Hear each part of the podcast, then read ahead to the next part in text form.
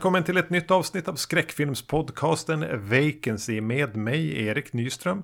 Och med mig Magnus Johansson. Är du taggad på att prata om bilar? Jajamän. bilar, det är mitt största intresse. Ja, mitt med. yes. Nej, jag har inget körkort ens. Och ah. du har ett. Som du har jag är nog en av de mest senare. motvilliga körkortsinnehavarna i eh, norr om eh, Sundsvall. Men är man där så behöver man bil i jobbet ibland va? Ja, jo, hade det inte varit för det hade jag aldrig bemödat mig om att skaffa det där. Nej, alltså bilar är verkligen bara ett irritationsmoment. Men mm. det kanske går att göra film om dem ändå. Yes, precis. Lite som hajar.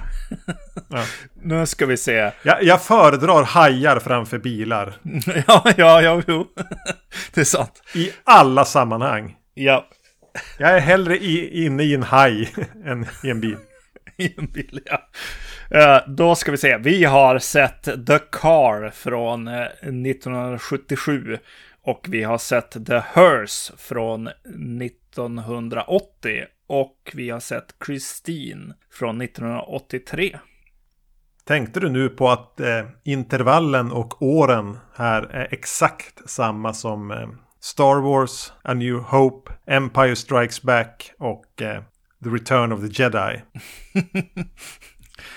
Väl genomtänkt. mm. Så egentligen är det här ett, en, ett Star Wars-avsnitt. Ja. Uh, det slog mig jag... nu. Det här var ingenting jag tänkte på. Nej. Ja, jag tänkte mycket på tid, tiden eh, när jag såg de här faktiskt. Eh, vad, vad fanns det för andra filmer som var ute och så? Eh, jag fick en väldigt stark känsla för Ja, men det här måste ju vara kring den här tiden. Och så tittar jag upp lite andra filmer och så bara, jajamän. Eh, mm. Den här har en koppling till den där eller den ena eller den andra filmen liksom.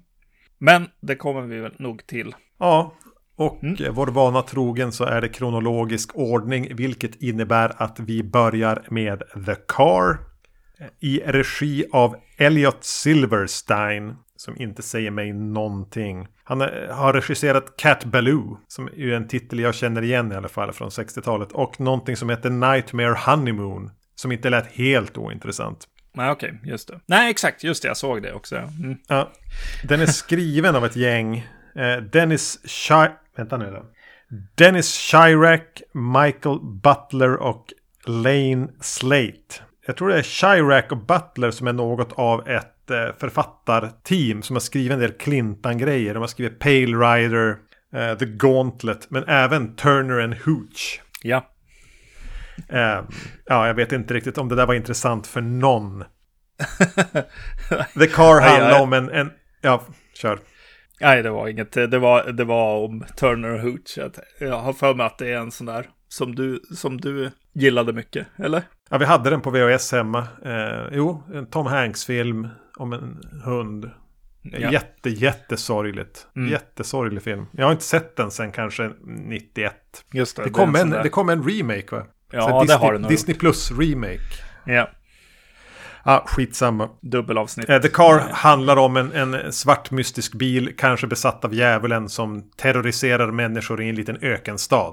Ja, precis. Och eh, vi, vi får följa polisens arbete mest. Eh, kring, mm. kring det här. Det är rätt kul öppning på den här filmen som öppnar då med ett Anton LaVey citat. Någonting som ja. sätter en ton och som också, som jag tänker så här, det är väldigt lite de, de förklarar på vägen.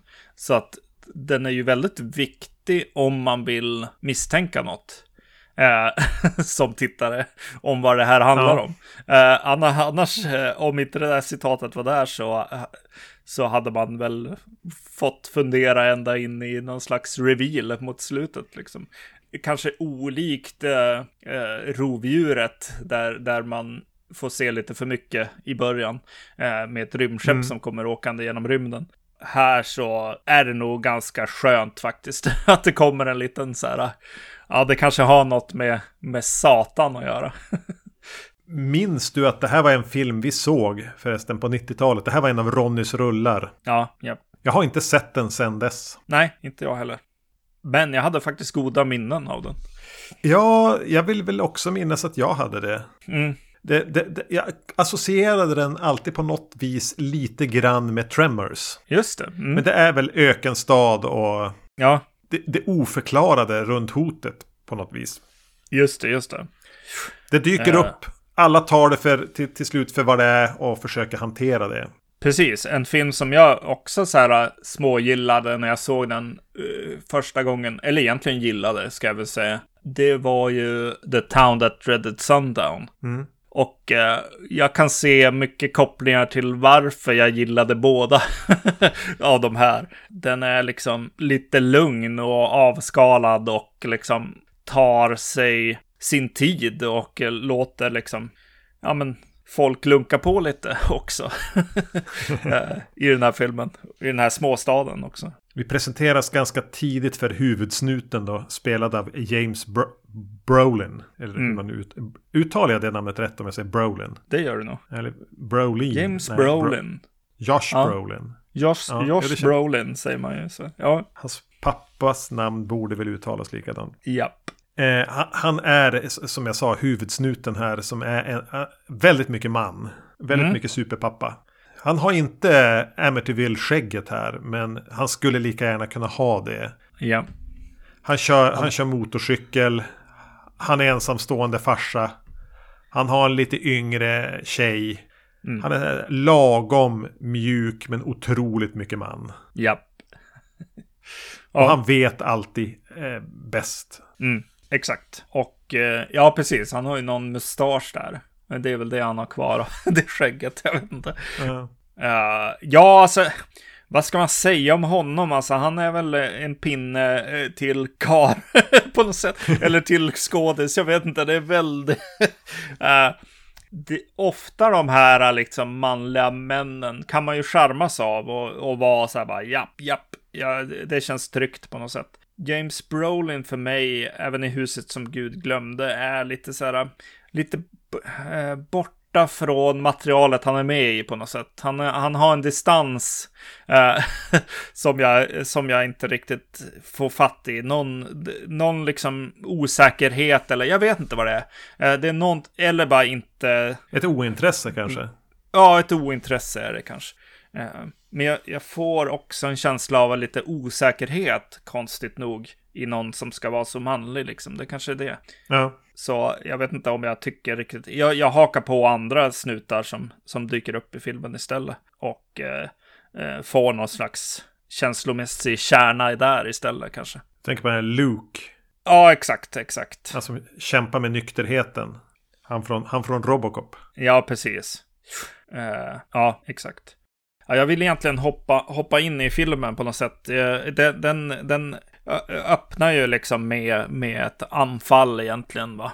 Eh, som Cyklisterna kommer- här va? Ja, exakt. När, när bilen kommer och har någon slags orange-rödaktigt eh, eh, syn genom framrutan, liksom, som de filmar igenom. Och ett, ett väldigt coolt så här Hajen-liknande soundtrack som, som går och de här cyklisterna som försöker, som eh, cyklar genom eh, eh, några tunnlar liksom i, eh, kan man säga öken eller liksom, Ja, Det är öken och berg. Så att de Ja, har ju precis. ingenstans att ta vägen. Antingen är de i tunnlar eller så är de omgivna av ganska branta klippor. precis, Så precis. de blir, ju, de blir ju utlämnade till den här bilen. De är så isolerade på vägen att det blir li- lite samma vibbar som i Hajen. Mm. Och det kan man väl säga då rakt ut. Är det en film den här påminner om egentligen så är det väl eh, Hajen. Ja, exakt. Jo, ja, precis. Jo, om det är någon film som skulle få det här äh, mantrat, liksom, eh, hajen på land, så, så är det kanske den här filmen. Eh, för det är väldigt mycket som eh, rör sig i samma typ av miljö, just den här starten och försöka få någon slags kärna i eh, gubbmän som liksom pratar med varandra och går igenom någonting jobbigt tillsammans. Eh, också eh, start med lite familj och lite eh, social realism eller, eller vad man ska kalla det. Vad, vad, vad nu am amerikanerna kan råka eh, få fram liksom. Ja, nej precis. Det, det, det, det är verkligen det som, som gäller. Ledmotivet som är framförallt i början men det återkommer väl i slutet också är ju den här eh, som kanske blev mest känd i The Shining några år senare som, som filmmusik. Eh, jag tror den var med även i eh, Sjunde inseglet. Just det. Mm. Den heter Dies, Dies Irae, är tydligen det klassiska stycket. Men mm. eh, ja, eh, hör ni det så vet ni vad det är för någonting. ja, japp. Ja, något lite kul med som jag la märke till är att hans barn är ja. uh, John Carpenter barn. Eh, de är med i John Carpenter-filmer. Ja, det är ju Lindsay va? Ja, precis. Från, Från Halloween året därpå. Men vem är den andra? Det är någon, någon flicka som blir skjuten i Assault on Precinct 13. Jaha, det är hon som är upprinnelsen egentligen till allt som händer i den va? Ja, precis. Ja. Hon som ska köpa glass. Ja. Alltså, och eh, på, on that note egentligen så kommer det ju en scen till med bilen då. Det, det är lite olika eh, scener med bilen och sen är det mycket med poliserna. Men vi kanske kommer till det Eh, mm. Strax efter ett eh, till mord, eller vad man ska säga, som är en liftare. Mm. Som får en liten scen, pratar med sig själv och, och så vidare. Liksom måste bygga upp karaktär eh, lite fort i en scen och så sen eh, bli dödad. Liksom. Han hinner, hinner slänga käft med, med någon halv osympatisk eh, landsortsbo där också. Ja, precis. Uh, och den, den uh, liftaren så här, skriker åt bilen och den så här, tvärbromsar helt plötsligt in. Uh, påminde mig väldigt mycket om Michael Myers i Halloween från ja. året senare efter det här. att skrikit åt mördaren i bilen på något sätt. Nej. Det är väl faktiskt någonting som, som jag la, la märke till också, just med tiden som den här är gjord och att Halloween är väldigt nära. Jag fick en stark känsla av att, ja men folk pratar ju som de pratar i, i, i Halloween på något sätt. Eh, framförallt eh, den här yngre flickvännen som man har. Eh, Påminner lite grann om, om Annie. Ja, precis.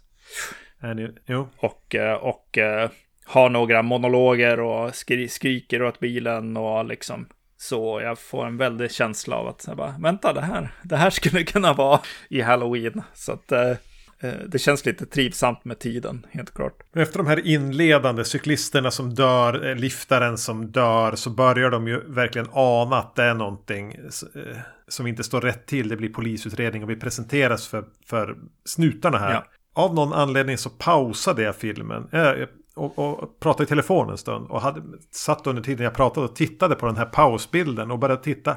Satan vad många snutar det är i det här bredbildsformatet. Ja. jag, tror, jag, tror, jag tror jag räknade till, alltså det är bara en, en, en stillbild. Alltså en, jag tror de var tolv stycken. Ja, ja i polisstationen. Eh, varav, tre, ja, varav tre eller fyra kanske egentligen var viktiga. Ja. Och det där kan jag gilla. Eh, det där är lite en sån här kvarleva från, från filmer på 50-talet. Där lågbudget sci-fi och skräckfilmer från, från den tiden. Att ja, men vi hade inte pengar alltid att göra effekter eller hade den bästa storyn. Men fyll scenerna där vetenskapsmän står och funderar vad det är som händer egentligen. Istället för att låta dem vara en, två eller tre, låt det vara åtta. Mm. Och ställ upp kameran, framea det lite snyggt och bara fyll på med folk. Och det gör ju någonting med att en film känns lite dyrare, lite mer på riktigt. Att man inte har snålat in. Det känns inte som, nu är jag där igen, men eh, Kenobi-serien. Mm. Där man får lite panik över att allt är så öde hela tiden. Jo, precis. Men man brukar göra det i Hollywood med småstadssnut, liksom stationen. Eh, framförallt i, i modernare film än det här så har man ju gärna tre stycken som jobbar på stationen ja. eller, eller så liksom. Jag tror, alltså att det blir de här snutarna som får vara huvudrollen, att det blir nästan The Thing-känsla, en, en, en eh, ensemble eh, cast liksom på något sätt. Ja. Eh, att man får, får lära känna lite, li, några av dem liksom. Eller egentligen alla på ett sätt. Eh, får man ju se. Nej, inte alla tolv. Nej, kanske inte alla tolv, men känslan är där i alla fall. Och jag, ja. jag, jag började tänka på så här det här är ju trivsamt alltså. Jag gillar ju verkligen det där. Och att de har liksom telefonisten där och sådär. Eh, och jag börjar ju tänka att så här, va, undrar om det är Twin Peaks ändå i slutändan som har fått den att bara Åh, oh, småstadssnutstationen uh, där folk dricker kaffe och pratar med varandra och, och sådär. Ja. Uh, kan, kan vara det faktiskt. Men ja, jag gillar verkligen att, att jo men inte bara att det blir så här budgetstorlek, utan det känns mer realistiskt. Och det är väl det som egentligen hajen har för sig också, liksom. Att den, den, den funkar väldigt bra utifrån att det faktiskt är folk i den och personligheter och känslor och att man, mm. att man eh, hinner med lite grann. Någonstans måste jag ändå ifrågasätta om en stad av den här storleken verkligen behöver åtminstone tolv snutar. Det är typ tolv personer till i övrigt vi träffar på. Precis, när de, när de börjar förstå att det är någon så här mördare i en bil eh, som kör runt och är ett hot så ska de stänga ner liksom en, en eh, inte en parad ens en gång, utan en, någon slags övning inför en parad. Mm. och eh, där, där, är liksom, ja de är lika många liksom som snutarna. Eh, och man får en liten känsla av att filmen vill säga här är folket liksom i stan som mm. vi behöver rädda liksom. Det blir inte riktigt som stränderna i Hajen. Nej, nej, nej, verkligen inte. Någonting annat som ganska tidigt slår mig i den är... Men det här är ju en B-film. Ja. Den har inte några andra ambitioner än att vara det. Den är ganska matter of fact presenterad. Ja. Och att, att den ska vara lite av en, en drive-in romp på ett sätt. Mm. Men den är inte speciellt godmodig. Nej. Den tar inte lätt på någonting. nej, nej. nej. Det är inte många leenden, det är inte mycket. Det är ingen, det är ingen charmig Kurt Russell i, i huvudrollen. Nej. Eh, alla dödsfall, allt som händer är verkligen tungt. Ja. I en film som samtidigt är ganska tydligt en B-film. Det blir en liten krock där. Jag vet inte om det är dåligt. Mm. Men den är på något vis så, så enkel och ganska, ja men lite småstel. Den här eh, Elliot Silverstein är ju kanske inte den livligaste regissören. Nej. Det är ganska mycket ställa upp kameran och låta den rulla. Men sen låter han även saker och ting andas. Men den andas tungt. Den andas väldigt tungt. Ja, precis. Och eh, när den liksom Alltså varje person som dör i filmen ska eh, ha en tyngd och eh, ska sörjas liksom. Eh, ja. Och eh, det blir ganska setupsen för dem kan också vara liksom eh, ha någon slags djupare botten på något sätt också. Det är någon polis som verkligen försöker slå, slåss för hans liksom gamla klasskompis vars man eh, slår henne och ja. Det är ma mannen i samma tölp som vi träffade, som slängde käft med liftaren. Ja, precis. Så den håller ju ihop det här lite, lite grann ändå. Mm. Och, eh, eh, och då dör den här polisen just efter att han har fått, fått bli vår, äh, våran, eller vi som tittars lite så här hjälte och, och, men också med en viss tyngd av uppgivenhet där också. Ja. Att så här, ja men okej, okay, han försöker, det går inte och så sen blir han dödad av bilen också. ja, det är, det är tungt på något sätt. Ja. Inom ramen för vad det är så känns ju det dödsfallet lite grann. Eh, precis, och det är väl den här uh, snubben som, som fick, ja just det, nu har jag tappat hans namn, men han, han som fick lite jackpot på 80-talet med, med Robocop och Total Recall. Och... Luke heter karaktären, Luke, ja, Ronnie Cox heter skådespelaren. Just det, precis. Han tar ju just det här fallet rätt illa och det fortsätter så på något sätt. Hans, hans resa genom filmen är väldigt, väldigt mörk. liksom. Mm. Eh, det går neråt liksom och eh, även våran huvudroll eh, går ju iväg och fäller en tår vid något tillfälle liksom. Mm. Det är nog det här kanske som, eh, även om det är lättsammare filmer, men, eh, oh, nu har jag glömt vad han heter, men The, The Town That Dreaded Sundown regissören liksom. Han går ju också in. Ben Johnson, Johnson i alla fall någonting. Ja, han, han går ju in och uh, gör också lite tyngd genom att göra någon slags this is the real, real mm, things that happened på något sätt. Här är det ju en annan tyngd, men jag, jag, jag kopplar ihop det på något sätt ändå. Och då är allt det här nu, i samma film där bilen bränner runt och kör över folk och inte kan köra in på en kyrkogård där några barn gömmer sig tillsammans med deras lärare. För det är helig mark. Ja. det är samtidigt den filmen. Jo. Uh, Ja, det är lite kul. det, det är verkligen det. Det är lite kul för att jag, jag såg, eh, det var någon, någon, något extra material på, på Blu-rayen med, vad heter han, John Landis, heter han så? Som eh, bara pratade, kommenterade på trailern och kommenterade på filmen lite grann. Och han, han pratade om det som värsta slock, slock, eh, liksom filmen och bara skrattretande och så här. Eh, rolig på något sätt. Och så sa han att bara, men jag har pratat med Guillermo del Toro och jag vet att han har en helt annan syn på den. Han, han tycker att det här är riktigt bra och har typ eh, eh, byggt eh, byggt upp bilen och kör omkring i den i LA tydligen. och så bara, ja, det finns ju båda sätten att se på det, precis som jag känner att The Town That Dreaded Sundown har också. Att så här bara, ja, det går att sitta i kompisgänget och bara skratta och liksom hänga med på något sätt. Men det går också att sitta och bara, ja, det här är ju rätt tungt samtidigt. ja. Eh, Och det är en märklig mix. Eh, och det är väl rätt härligt. Ja, det tycker jag faktiskt om med den här. Mm.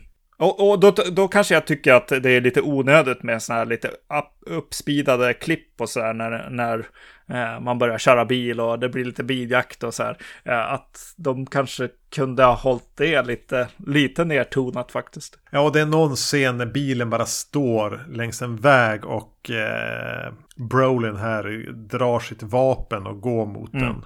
Som är, jag förstår inte riktigt om bilen bara är ute för att eh, samla poäng att köra ihjäl folk eller har den ett annat syfte.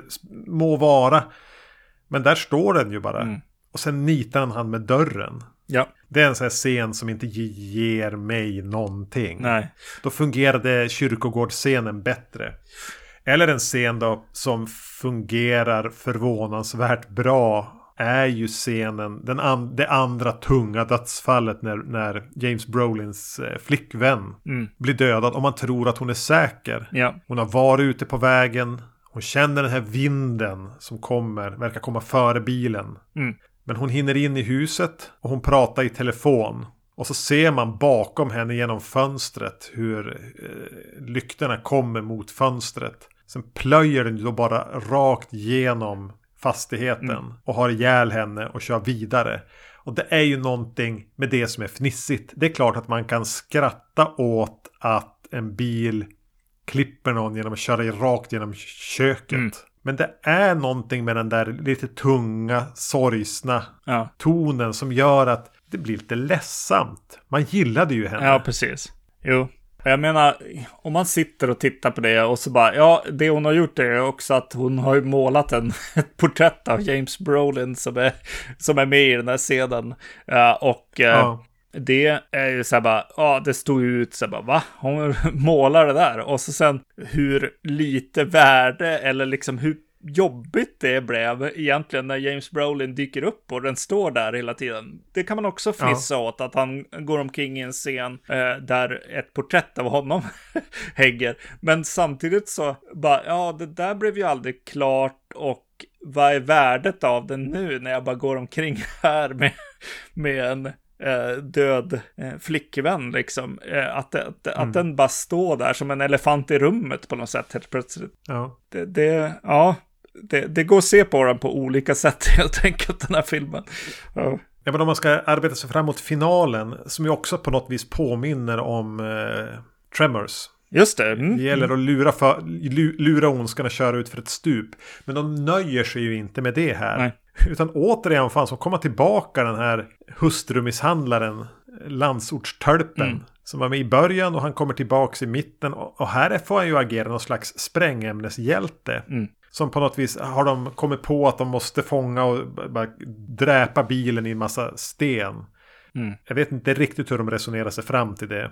Att det är det enda sättet. Men Brolin lyckas ju även lura bilen att köra ut för ett stup ner i en ravin. Och när den inte ens har nått marken så detonerar de sprängämnen på klipporna runt som det dränker, begraver den i mängder med, med, med sten. Ja. Och det går ju också att skratta åt. Ja. Och det kanske inte är den bästa finalen, det kanske inte är det. Men det som händer då är ju att det blir som en, någonting annat händer ju. Det, det reser sig nästan upp en elddemon upp ur ravinen. Ja. När ondskan då, det, det, ondskans kärl är, är förstört så ska den väl leta sig vidare eller hur man ska tänka på det där. Och den här filmen är från 1977. Ja. Och jag tycker att den där elddemonen, om vi får kalla det för det, som ändå är något sånär subtil, Ja. är skitsnygg. Ja, jo, det är väldigt bra. Jag, först, jag, jag, jag var tvungen att backa och titta på det igen. Vad har de gjort? Något så här, är det här någon sån här redux-version? Ja, jo. ja, precis. Mina anteckningar står det. Jävlar vilket slut! ja, jo. ja, det är coolt. Fantastiskt snyggt eldmonster. Japp, japp. Jo. Jag tänkte lite grann på, på He Who Walks Behind the Rose igen. Mm. Ja, det var lite roligt. Jag skrev i slutet så här bara. Ja, om inte hajen hade, hade funnits och man inte har koll på tiden den här är gjord och när hajen kom och så här. eh, Då känns det som att den här filmen bara, "Men vänta, allting kommer ju härifrån. han, han klär ut sig till Indiana Jones eh, vid något tillfälle så han ser ut som Indiana Jones, Halloween och Inception-hornen och allting bara kommer härifrån. så jag bara, nej, det, det kanske är hajen ändå. Framförallt hajen. ja, ja. Jo. Nej, men jag blir, alltid, jag blir förvånad när jag ser den nu över att jag kan som tycka att här, scenerna är lite styltiga. Så det är inte, som jag sa, Mm. det är inte något jätteliv i kameraarbete eller regi generellt. Det är ganska mycket ställa upp kameran. Ja. Men ändå så rör den sig oväntat rappt framåt. Ja, japp. Ja. Jag har aldrig tråkigt trots att den här filmen egentligen borde kunna bli tråkig när den är ganska dialogtung på sina eh, ställen. ja, precis. Jo, något jag faktiskt tänkte på, eh, bara för att jag, jag just kom ut ur det, det, det klassiska, eller nuvarande klassiska samtalet att så här, ja, är det tv-serier eller film som gäller?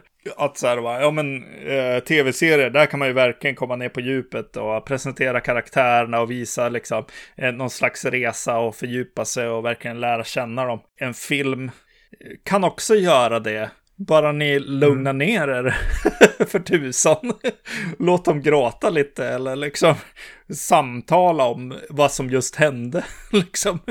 Man kan göra så också. Man kan faktiskt bygga karaktärer med att låta dem reagera på sakerna som händer. Ja, exakt.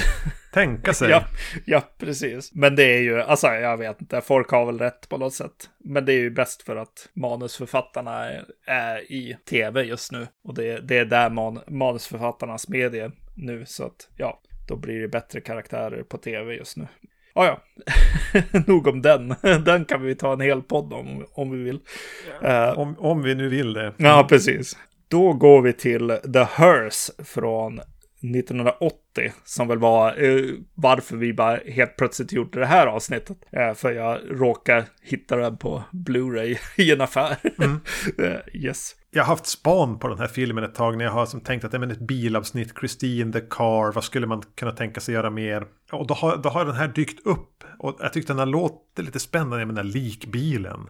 Mm. Vilken fantastisk titel. Så, så som sagt var, då köpte du den och då tänkte jag nu är det dags. Ja. Nu gör vi det. Den är regisserad av någon som heter George Bowers. Eh, Det jag noterade när jag scrollade igenom hans CV var att han 1985 gjorde en film som heter Private Resort. Som verkar vara någon eh, lite halvpubertal komedi. Men jag har sett den. Okej. Och jag har gett den 3 av 10. Men Ja. jag har inga minnen om när, hur, alltså ja, just det. mycket märkligt. Precis, jag kollade också upp han och det verkar vara mest att han är en klippare. Eh, har, har klippt eh, lite genrefilm, The Stepfather, Sova med fienden, The Good Son och From Hell. Se där. Yes. Eh, om vi då ska fortsätta med, med lite eh, konsumentinformation så är den skriven av någon som heter William Bleich. Vars egentligen största claim to fame är en Poltergeist tv-serie i mitten av 90-talet. Som jag inte alls kände Nej. till. Men den är även, det står, eh, writers credit har även Mark Tenser som har producerat den. Där det står idé. Ja. Ja, en idé. Skriv den William. Ja. ja, det är väl det som brukar stå story ofta också. Eh, Det brukar vara någon producent som har kommit på något. skriver ner några saker på en post-it-lapp och vill, vill även ha, kunna få in eh, pengarna för en writers credit. Precis. En kvinna flyttar till sin, vad är det, faster, mosters hus. Mm. För att eh, slicka såren efter en, en kämpig skilsmässa. Mm. Fastän har nyligen avlidit ska vi väl tillägga. I en liten by. Konstiga saker börjar hända och hon eh, upplever sig bli förföljd av en mystisk likbil. Mm. Vad var det egentligen för faster slash moster? Ja, exakt. Varför är, by, varför är byborna så avvokt inställda till att hon bor i hennes hus? Och så vidare. Japp, japp. Uh, just det. Vad roligt att du, du uh, den twisten på slutet, eller frågan på slutet, bara uh, fick igång mig igen. För jag, jag började få lite småpanik för att jag såg den här för ett par veckor sedan. och började bara, ja, vad var det här nu? yes. Du stackare du skulle se och skicka. Det blir alltid ett bekymmer. Ja, precis. Noterade att eh, kvinnan här spelas av George C. Scotts eh, fru. På riktigt eller, eller i The Changeling? Nej, precis. På, på riktigt. De var gifta från 72 till eh, hans död 99. För hon är med i Changeling? Ja, precis. Och The Last Run också. Så... hon... Trish Van Devere heter hon för övrigt. Hon heter inte fru George. Scott. Nej, precis. Vi kan återkomma till henne. Mm. Ja. Får jag bara säga att det är en otroligt stark tv-filmskänsla i början. Med de här vita förtexterna över saker. Pianoklink. Ja, just det. Jag är inte säker på att det är ett pianoklink, men det känns så. Ja, precis. Det var ju det här som hände, ja. Precis, jo. Jag skrivit att det är my äh, mysig musik i introt. Jag har skrivit pianokling ser jag nu, så det är pianokling. ja, precis. Det är väldigt så här eh, otryggt eh, bunkanden och eh, någon slags spänningspiano. Eh, som inte riktigt hittar melodin på något sätt. Och eh, det är väl någonting som för kanske tankarna till Fredagen 13 åttonde eller någon som eh, försöker sig på lite Bernard Herman. eh, tänker jag. Mm. Eh, musiken är eh, Webster Lewis som har gjort och eh, jag kan göra en call-out egentligen. För jag, jag, tycker att den är ganska kul i den här filmen. Eh, på, på det där tidiga 80-tals liksom slasher genre-viset eh, som jag på... Jag, jag, här egentligen börjar tänka att jo, men det är ju Hitchcock som gör sig påmind eh, då i alla fall. Och hela tanken här med att hon är frånskild, hon har genomgått en kris så hon väljer att tillbringa sommaren i, i det här huset för att, för att återhämta sig. Mm. Jag gillar ju det den tanken. Vi, vi, jag har nämnt det tidigare att, att jag tror det var när vi pratade om The Night House. Mm. Att sådana här filmer brukar bara bli sur på att när de ska sörja så blir det alltid att de ska säga rikemans sörja i någon superlyxig vräkigt hus. De står och dricker i ett jättestort vinglas och så får de ut och jogga i så här, dyra träningskläder. Och jag kan inte relatera till någonting för det känns som en träningsvideo när de har sina mm. tuffa stunder. Samma sak, The Invisible Man, nya versionen. Även om det inte var en dålig film så blir det det här. Det ska kännas så jävla lyxigt och vräkigt och jag kan inte relatera. Men just det här, bara komma till det här lite halvsjaviga, uppenbarligen på plats, huset. Mm. Eh, och att hon, ja men jag har inget bättre för mig, jag måste få göra någonting annat. Jag åker till det här stället. Eh, mm. Jag är väldigt förtjust i det anslaget och jag är väldigt förtjust i fysiken som den här platsen erbjuder med det här faktiska huset. Det är ett riktigt hus. Mm. Det är fula tapeter. Det står en konstig vas.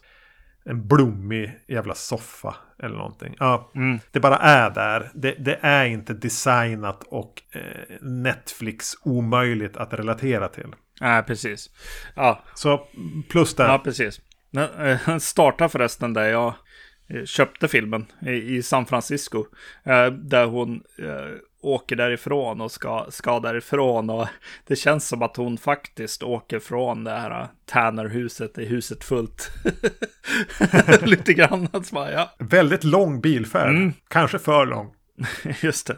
Ja, alltså ja, precis. Och det är väl lite löjligt nästan. Eh, likt eh, Psycho där. ett tag.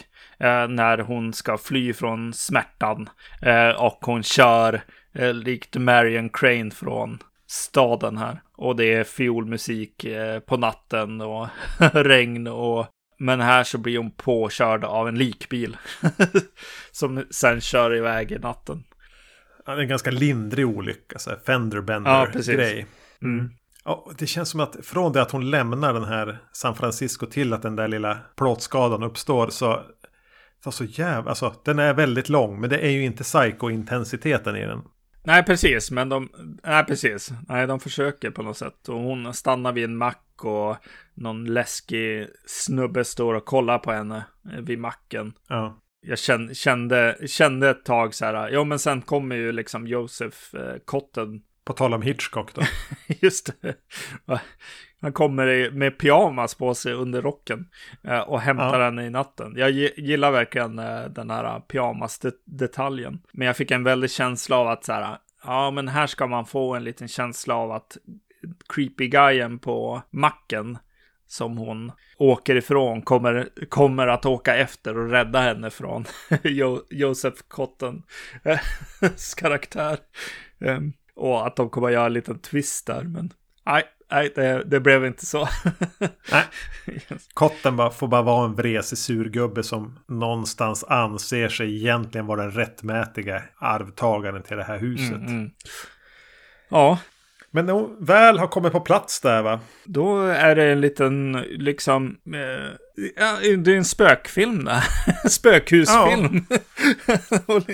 Inte vad vi Hon ser någon otäck kvinna i, i, i spegeln och innanför något fönster. Och... Det är en speldosa som flyttar på sig under natten och så här. Och den här Trish Van Devere har lite kämpigt med ensamskådespelet. Ja, ja. jo. Och så, och så ska hon träffa på ortsbefolkningen då när hon ska in till butiken eller någonting. Och alla är så jävla otrevliga och avståndstagande. Ja, och alltså det finns några namn i den här filmen, men det är ju också inte skådespelare liksom. Det dyker upp folk från något telefonbolag som eh, inte alls är en eh, skådes överhuvudtaget. och så, här. Eh, så det är en väldig blandning mellan eh, glada amatörer och eh, skådisar med några credits i alla fall. Och Joseph Cotton. Ja, precis. Jo, såklart. Yes. Eh, mm, och, och, det är väl här den hamnar i ett, ett, ett, ganska långt parti där hon bara går runt. Mm. Ortsbefolkningen är otrevlig. Hon ser spöken i huset. Hon träffar på likbilen med jämna mellanrum. Och det kör, man får faktiskt se föraren här. Yeah. Det är någon mustaschprydd man. Det jag kan tycka ger den ett, ett lite liv då. Det är ju när de introducerar dem. Det är ju när de introducerar de här tjollriga unga grabbarna. Ja. Varav en är son till de som äger snabbköpet eller vad man ska säga. Ja. Butiken. Och han vill ju jobba åt henne och samtidigt är han ju lite tänd på henne. Och, mm. Ja men det där lite busigt grabbiga. Och han faktiskt blir lite kär. Han vill, han, han eh, vill som vara med i det här objektifierande grabbgänget av den här nya kvinnan i stan. Men han tycker ju om henne på riktigt. Ja, precis där fick den en liten så här ådra av någonting annat än bara de här upprepande, lite tuggande scenerna med en inte alltför bra huvudrollsinnehaverska eller en regissör som inte riktigt kunde ge liv åt henne. Ja, precis. Jo, nej, precis. Det är väl deras relation och de scener de har ihop som är, är höjdpunkten på något vis här. Och sen finns det väl, alltså, det små funkar med en del av de här skrämselgrejerna. Det är någon spegel, skrämselscen vid något steg. Men mm. ja, det känns lite som att de försöker göra liksom Hitchcock, men kan typ eventuellt göra Friday the 13th, eh, första filmen.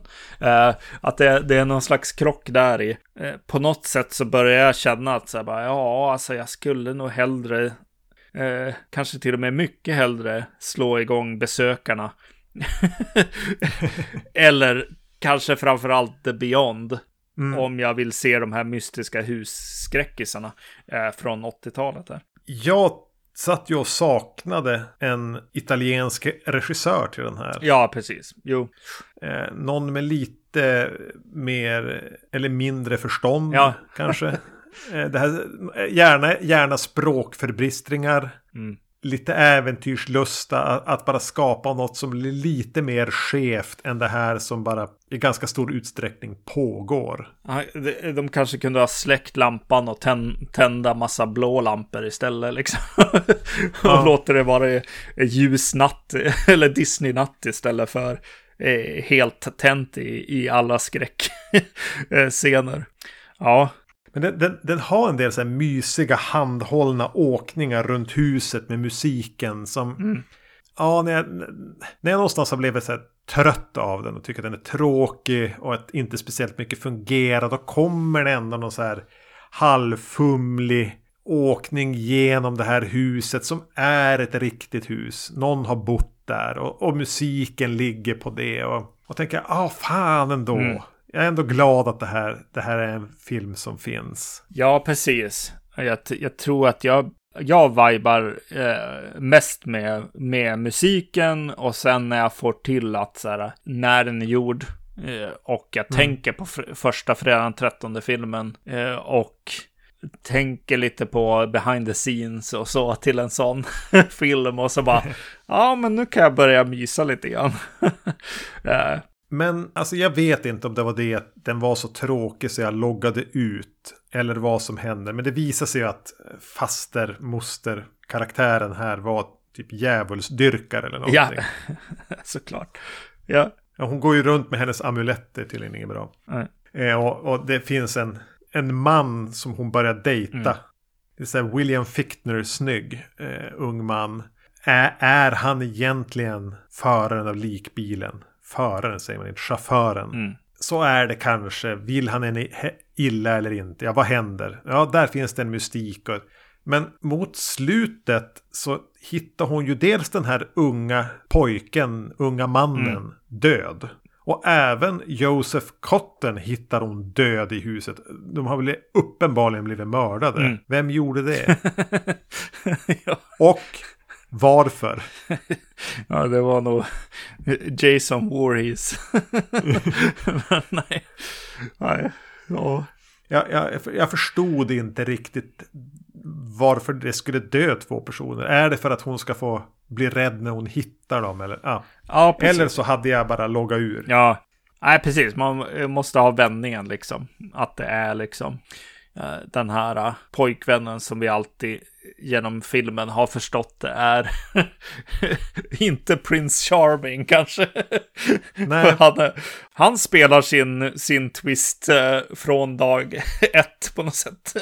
han hade hela tiden eh, den här djävulsdyrkaren eller eh, ännu värre.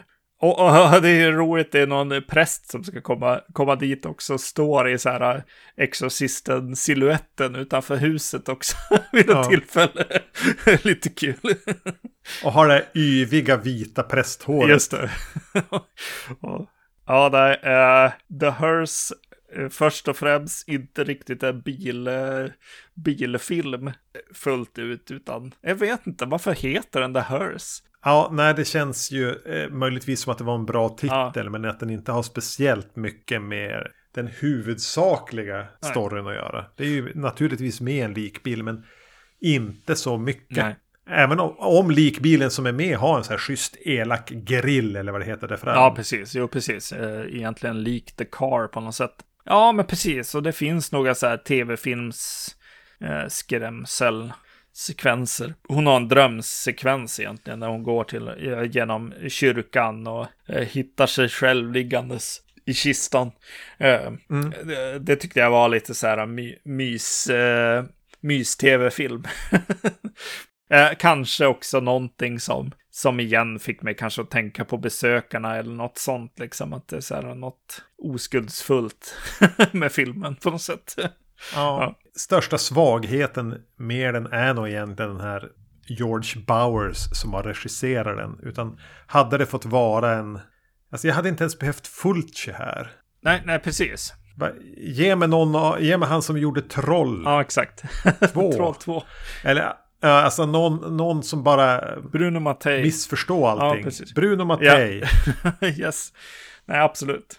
Uh, yes, för att få lite edge istället för att verkligen försöka få till någon slags Hitchcock igen, liksom. på en budget, uh -huh. liksom. Nej, nej. Ska jag öppna min andra öl här.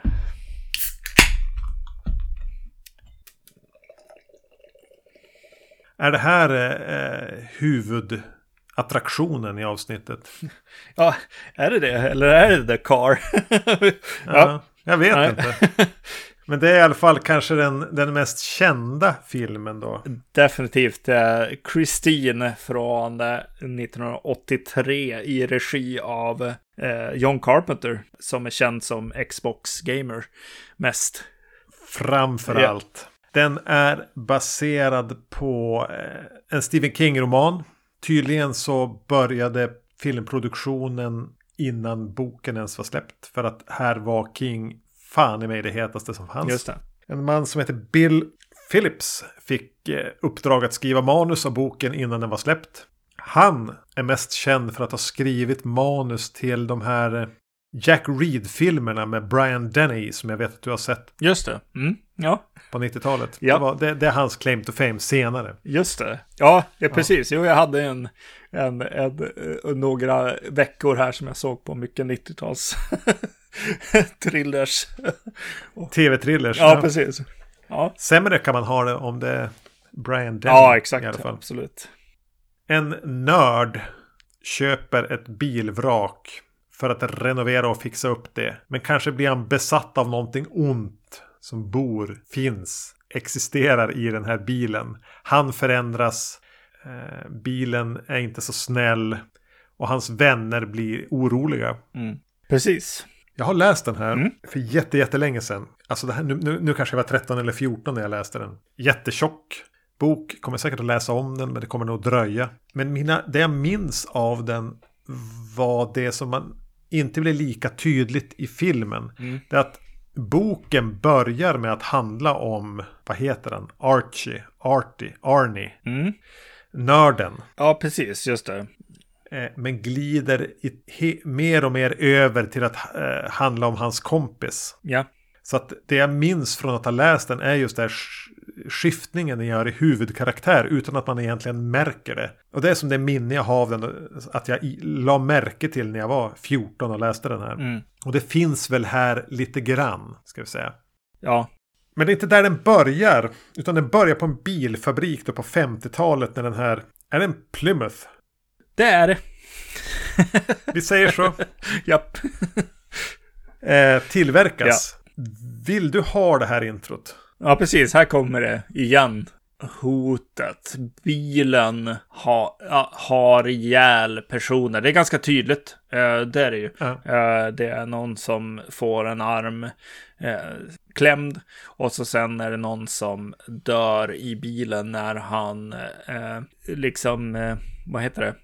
Eh, han askar sin cigarr på sätet. Just det, precis. Den drummeln. Ja. Och dör då. Ja, precis. Alltså, för den tar ju, den tar ju sin tid sen. Helt klart i filmen att så, vad är det med Christine liksom? Mm. Eh, det är lite som att se trailern till eh, Terminator 2 och förstå att, att eh, Arnold kommer vara the good guy i den här filmen. Eh, när, ja. Där, där James Cameron håller på att försöka eh, suga på den karamellen och göra en stor reveal i filmen på det. Det är lite den känslan här, helt klart. Filmen som John Carpenter gör här tycker jag kan ha den här scenen i sig.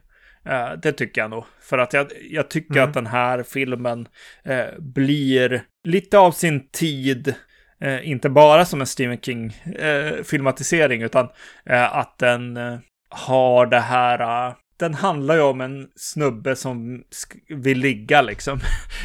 I princip. en nörd som ska byta skepnad och liksom bli attraktiv för, för kvinnor och sen kanske lära sig en läxa och liksom eh, faktiskt hitta eh, faktisk romantik någonstans. Eh, Weird Science och Can't Buy Me Love och den typen av, vad heter han, John Hughes eh, mm. film. De här, alla de här transformationsfilmerna liksom. Då, då får ju filmen, eh, alltså då får ju bilen eh, spela låtar i, för att prata med folk och som en liten rolig grej och sådär. Och den sätter en, en ton på den här fabriken som är inte jätteallvarlig, helt enkelt. Nej. Ja, nej, jag var, jag var, jag, jag var fan tveksam alltså. Vill jag Ja, hellre bara få följa det här som de här två kompisarna? Lite omaka kompisarna. De har förmodligen känt varandra sedan de var jättesmå. Eh, för efter eh, de här gamla sekvenserna förflyttar vi oss till typ 1978 tror jag det är. Och vi får, vi får någon sån här glidning längs en gata som känns väldigt halloween. Så vet man att den utspelar samma år som halloween. Jag tänker att medvetet. Ja, men Arnie är, är, är tönten. Kanske lite strikta, knepiga föräldrar. Dennis heter han. Jag har suttit och kollat upp Ja. det här nu. Eh, är, är den eh, snälla... Eh, Jocken. Jocken. Ja, precis. Mm. men de är bästisar ändå. De, de åker tillsammans till skolan. Nu ska de börja sista året. Och, eh, han, ska få, eh, han ska få bli av med oskulden, tycker kompisen där. Och, men ganska snabbt när de är på high school så hamnar de i verkstaden. För han har valt det då, Arnie. För att han ändå är lite intresserad av bilar. Så hamnar han i bråk med de här Stephen King-mobbarna. Eh, som, som går väldigt långt. Eh, och, och, det- men det är någon tjej med och, och da-di-da. Så det är, vi är ju i high school-miljö med alldeles, alldeles för gamla skådespelare. De drar ju mot 30 allihop här. Men Ja, precis. Eh, Just Arnie, Arnie och Dennis har en kompis som de står, står och pratar med vid, vid eh, sin locker liksom i, i eh, korridoren där, vid skåpen. Och eh, Mm. den kompisen, jag satt med frugan och såg den här filmen och hon bara, alltså jag måste googla hur gammal han är. Och tydligen så bara, Ja, hon, hon kunde hitta hans födelse, liksom, eh, dag och, och månad, liksom. Men han hade lyckats erasa alla spår av hur gammal han faktiskt var. Men det var en, en gammal man eh, som spelar tonåring i den här filmen. Eh, Helt klart. Ja, men även, även eh, ledarmobbaren där Japp, japp. Jo. är ju 32 minst. Eh, så ja, men om man är beredd att köpa det så jag hade ju hellre kastats in i det här och han tjafsar med sina föräldrar och han... Mm. Ja. Och Arnie spelas av Keith Gordon som... Jag vet ingenting, jag vet ingenting om Ja, honom. han blev regissör, vet jag. Men jag, Ja. jag vet inte riktigt om det. Det är några storfilmer han har gjort direkt. Men ja, Eh, Dennis, som då är den som får överta någon slags huvudroll i filmen också, precis som i boken, men kanske framförallt under sist, tredje akten. Spelas av John Stockwell. Och han är ju eh, med i Top Gun. ja. ja. yes. Cougar. Cougar i Top Gun. Ni vet Cougar, han som eh, ballar ur i in, introt egentligen och inte klarar av att landa sitt plan. Ja. Jo, han är ju definitivt eh, våran eh, ställföreträdare för Kevin Bacon. Känner jag. Han, han är så jäkla lik honom. Eh, Det känns som Kevin, Kevin Bacons stunt double. Ingen av dem är väl eh, speciellt bra, ingen är väl speciellt dålig heller. Den här filmen hade kanske mått bra om de hade haft de här karaktärerna hade levererat lite mer. ja, precis. Ke- Kevin Bacon och eh, vad heter han i Can't Buy Me Love som också var med i Grey's Anatomy. Ja, just det. Ja, ni vet vem det är. Ja. Eh, Denny, Denny. Nej, nej. jag kommer inte på det. Eh, jag vet inte, alltså jag tycker att ändå Arnie Cunningham här, den karaktären. Nej, jag tycker han, jag tycker nog ändå att han sköter sig genom filmen. Ja, men tillräckligt. Men, men jag hade nog behövt att någonting mer hände där. Tänkte jag i början av filmen. Ja, Men ja, vi kan väl återkomma Mm. till, till, till, till sånt. Han hittar ju då, de bara råkar passera ett bilvrak på en gård. Eh, och han bara, det där, stanna, det är till salu, det där ska jag ha. ja, Omedelbar förälskelse vid det här vraket som han ska fixa Mm. upp. Och vem är det som säljer det? Om inte Roberts Blossom. japp. Som ju, ja, en del skulle väl säga ensam hemma. Ja, precis. Men vi skulle väl säga deranged. Ja, definitivt. Eh, Vad fan har han på sig? han har så jävla coola kläder på sig.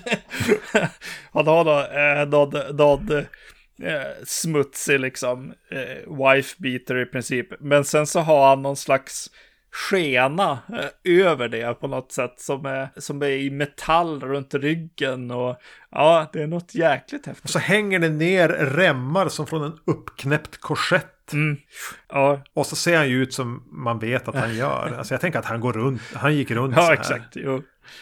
Han kommer så här till, till, till eh, inspelningen och vägrade byta om. precis, precis. Han tog alltså skjort, skjortan på sin höjd.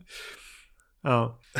Och han, är- där har ju John Carpenter hittat de här små lysande karaktärerna. Inte karaktärerna, men bara sett rätt skådis på den och gör en minnesvärd. Mm, mm. För man minns ju Ja. han. Jo, han är väldigt Om man tänker, skulle, man ska inte köpa en bil av den här Nej.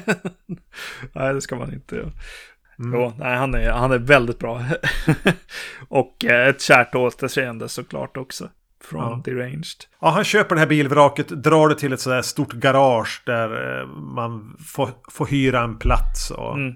Jag tycker det är väldigt en trevlig plats att vara på i filmen. Mm. Den halvresig, men man anar att, direkt att det finns ett hjärta av guld hos den här äldre mannen som rår om det. Mm. Det är så här oljigt och hyllor fulla av saker som har med bilar att göra. Och det, känns, det känns väldigt på riktigt. Mm. Jag gillar att vara i det där garaget. På film, jag skulle aldrig gå i närheten av det. Usch vad det ska vad smutsig man ska bli där ja, ja. Eh, Och då, här börjar ju någonstans när Arnie renoverar Christine. Mm. Och här händer någonting i filmen. Han kör in den dit och han börjar som fixa med den och han får någon gig om att han får plocka på sig reservdelar från på skroten om han håller lite snyggt där. Och sen skadar sig John Stockwells karaktär eh, på eh, fot, han spelar så här, fotboll. För att han får syn på Arnie rulla in med Christine som är uppfixad. Och här, här, har det, här har de fuskat. Ja, okej, ja. För här händer det jättemycket. Ja. Vi får aldrig se han kämpa på med Christine riktigt. Nej, exakt. Nej. Vi får aldrig riktigt se vad som händer med karaktären här emellan. För han, han byter klädstil, han har fixat upp hela bilen och han har så här, skolans snyggaste tjej med sig till den här fotbollsmatchen. Vilket väl är det som gör att, att eh, John Stockwells karaktär här, för han var lite sugen på den tjejen, eh, tappar fokus och, och blir tacklad och gör sig väldigt, väldigt illa. Ja. Men där saknas det som ett, ett, ett, som ett glapp i allting. Som gör att jag inte köper att han helt plötsligt tar på sig en sån här coola killen-jacka och, och, och bilen är som den är. Och, Jo, han har ju fått den här 50-talslooken på något sätt. Han, han blir ett, mer och mer ett med, med Christine här. Och eh, ja. jo, precis. I, I andra transformationsfilmer, eller vad man ska säga, alltså gå från nörden till liksom sexiga killen med, med eh, skolans snyggaste tjej på armen. Eh, det brukar bli ett Eh, alltså om man, om man gör det som de gör i den här filmen så brukar det bli större event av det. Kanske någon häftig musik och gå i korridoren och folks eh, ögon vänder sig om och sådär. Här blir den lite så här, ja, han är vänd mot från kameran lite och så här och det är en, ett, ett annat skeende som sker istället för att Ja. slå på stort lite grann. Eh, och, eh, och spela, spela någon musik och, eh, och så här, göra en stor grej av det. Eh, så blir det ett event mellan eh, de här kompisarna liksom. Som går lite snabbt och blir lite underligt liksom. Ja, Mm. bara, ja hur, hur gick det? Åh, han såg inte. Eh, han tittade bara på sin kompis och sen vände han sig plötsligt om och tar bollen ändå. Men bryter ändå ryggen. Eh, eller vad det nu är liksom. Eh, så, så det, Han verkar skada hela kroppen. Ja, precis. Det går lite fort där. Eh, och eh, eh, ja, hur blev Kristin klar och hur fick han tjejen? Jag känner att man inte kanske behöver det, men man behöver kanske göra det i ett, ett större så här eh, lite 80-tals eh, event på något sätt av det då. Ja, sättet det levereras på fungerar inte alls för mig. Nej, nej, nej, nej, precis. Ja, Jag tror att jag, fa- jag, jag fastnar i, i den här tanken bara för att vi faktiskt eh, fick för oss att börja se Weird Science häromdagen. Eh, innan jag såg den här. Eh, och eh, kopplingen mellan de två blev så väldigt stark för mig när jag såg dem. Att så här, jaha, ja, ja, det är ju den typen av film. Det bara råkar vara skriven av, av Stephen King liksom. Eh, så, så den balanseringen är, är, kanske lite svår i den här filmen om, om man vill se det som en skräckis, uh, en Stephen King-skräckis, så, så kan man kanske råka få en John Hughes-film. ja, i ganska stor utsträckning. Uh, ja, precis. Men utan Hughes fingertoppskänsla då för, för high school. Ja, precis. Dramat. Carpenter kanske inte är bäst på det. Nej, exakt. Nej, nej det är, det är han ju inte. Men, men jag måste ändå ge han någonting här för att kunna få ihop det också ändå. på något sätt. det, det verkar inte hans wheelhouse på något sätt. Eh, och... Nej, men det är ju inte sämst Nej, exakt. Heller. Nej.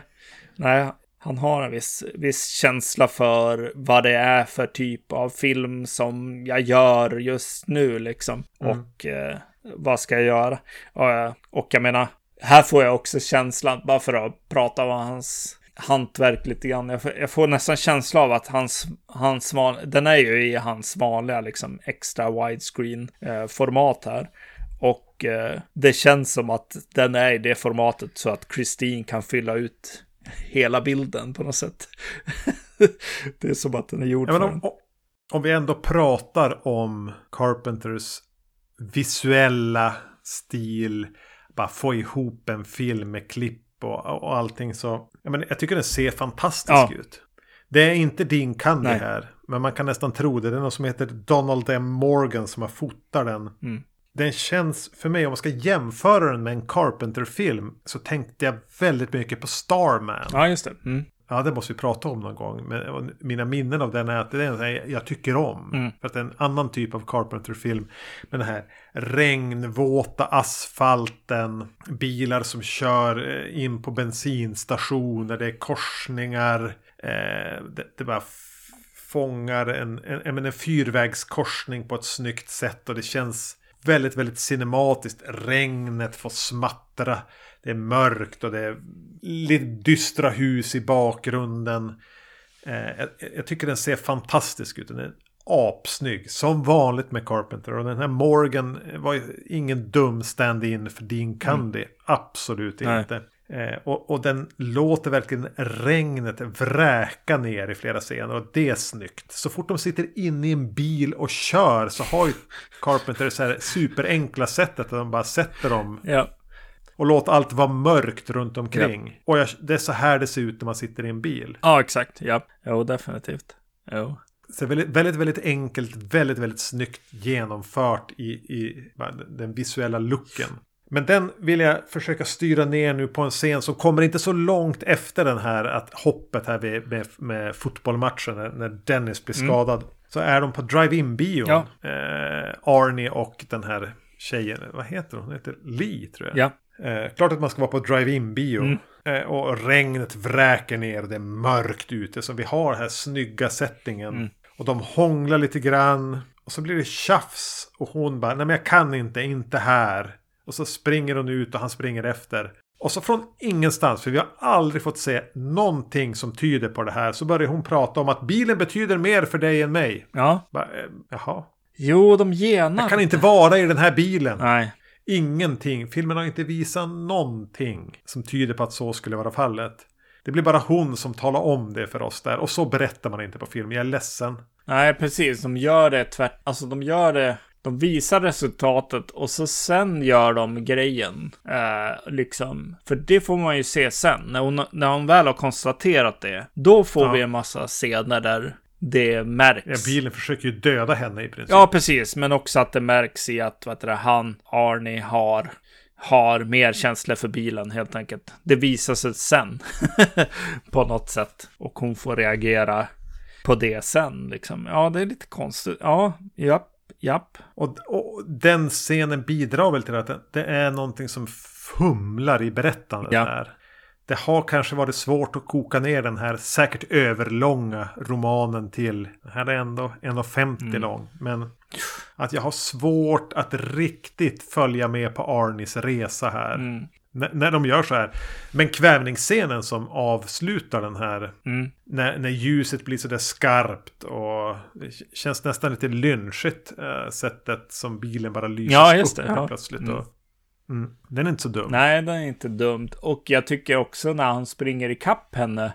Jag bara eh, fick helt plötsligt så här, eh, är det split screen eller vad är det? För det är så här, regnar och är helt blått och så st- står hon i någon slags kur eller någonting som är helt orange.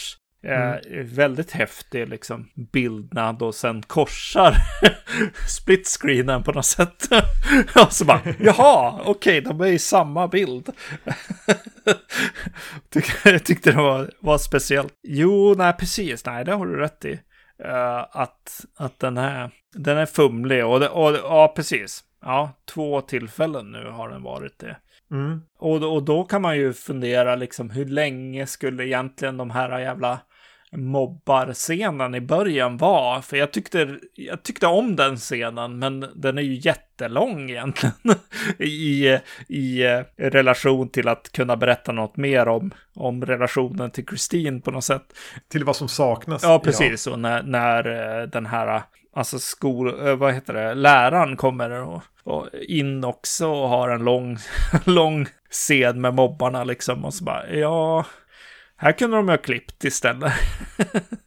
Men eh, ja, å andra sidan hade vi inte sett eh, den här eh, rödhåringen från fredag den 13 2 så mycket som vi får se. som är så fantastiskt. Nej, man får väl passa på att mysa åt det då. Ja, det är väldigt mysigt. Alltså, det, det, var, det var behållningen den här gången nästan.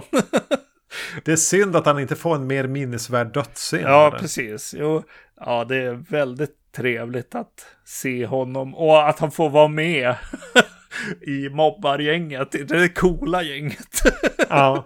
på något sätt. Jo, jag, jag, tanken är hela tiden, vem, vem tror du att du lurar? Exakt. ja, nej. Eh, Mycket kärt återseende. På tal om kära återseenden. Mm. Jag har redan nämnt Roberts Blossom, men även en av eh, världens bästa skådespelare. Ja. Eh, Harry Dean Stanton dyker upp här. Som, Ja. som Han kommer snut. som snut i en alldeles för stor kostym. så kommer han Ja. in. Och eh, även så kommer han in och verkar veta saker som ingen annan vet. Han har läst boken när han kommer in som Ja, snut. just här. det. Ja, För vad fan misstänker han Arnie för i början? ja. Jag har tänkt på det någon ja ja, just om det. är verkligen som att han är och fiskar i att, ja, men är det inte så att du har djävulens bil du kör Ja, runt precis. Just det. Ja. i? vad, vad, vad, vet, vad vet du, Ja. Harry? Men, men man blir alltid glad av att se honom och han, de scenerna får ju någonting Mm. tack vare honom. Men om man egentligen skärskådar dem så är de stendumma. Mm. Ja. Eh, och, och, och kanske en sån här sak man också hade kunnat offra ja, för att bygga på annat. Alltså jag säger inte att man ska klippa bort Harry Dean Stanton, det ska man aldrig göra. Men ja, men är den bara för kort, filmen? filmen. Ja. Ja. är det så att han hade behövt en timme till? ja, precis. kan ha varit så. Ja, kanske inte en timme, men ger den åt- åtminstone 30-40 minuter till. Ja, precis. För eh, saker som jag kommer till, eh, som också blir så här lite skyndat, det är väl att Dennis, när skiftet kommer och vi så här bara, ja men han är ju ondingen i filmen nu helt plötsligt. Eh, våran an- eh, protagonist är våran antagonist. Mm. Och eh, vi, vi ska börja följa eh, de som fortfarande, eller hoppas, det finns hopp liksom eh, i honom fortfarande och eh, han kan nog göra Darth Vader-vändningen ändå. Då har han varit så jävla taskig med Lee och, och eh, Dennis har varit utanför liksom. Han lägger en sjukhussäng alldeles för Ja, länge. precis. Så det blir verkligen så här, vad ska de åstadkomma mot slutet egentligen? Vad, vad ska de iväg och varför ska de mötas någonstans? Ska Dennis, ja Dennis kan jag kanske förstå att han eh, försöker dra tillbaka sin vän som från eh, för alltid, för hans karaktär är sån. Men Lee här, vad ska hon göra? Är hon kär i honom? Eh, ska hon rädda sin älskling? Eller vad, vad, är, vad är grejen? Han har ju bara betett sig illa liksom. Borde inte hon bara ha dragit vidare från ett misstag med en risig snubbe? Precis, precis. Ja. Men eh, det känns lite som att hon kanske är eh, en drömkvinna. som, som eh, man kanske skriver om, inte som, som faktiskt finns. Som faktiskt Nej, existerar. Nej. Mm. Uh. Eh, någonstans mitt i det här så börjar ju Kristin avpolitera de här mobbarna eftersom de eh, slår sönder Kristin. Ja. Innan hon börjar göra det hon lagar ju sig själv. Mm. Jag tycker att det är snyggt. ja, det är väldigt snyggt. Det är mycket, mycket kärlek nedlagt på den sekvensen, helt klart. Och det syns ja. ju. Där hade de också kunnat lägga ett par minuter till nästan. Förmodligen inte, men ändå. det är häftigt att se dem så här, När de har använt hydraulik för att dra sönder en bil. Och så kör de det baklänges så den bara bucklar ut sig själv. Ja. Eh, och även scenerna när hon då ha ihjäl folk. Mm. Eh, till exempel kommer och kör och brinner i natten. Mm. Och eh, något, lite John Carpenter musik. Kanske inte hans bästa eller näst bästa. Kanske hans femte, sjätte bästa mm. eh, musik.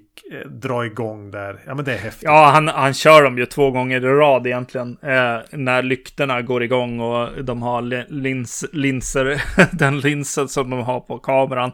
Bara eh, eh gör att strålkastarljusen liksom gör sådana här lens flares över hela, eh, hela bilden. Och så vad det, kör han igång liksom sin musik där bara. bara nu kör vi mm. liksom.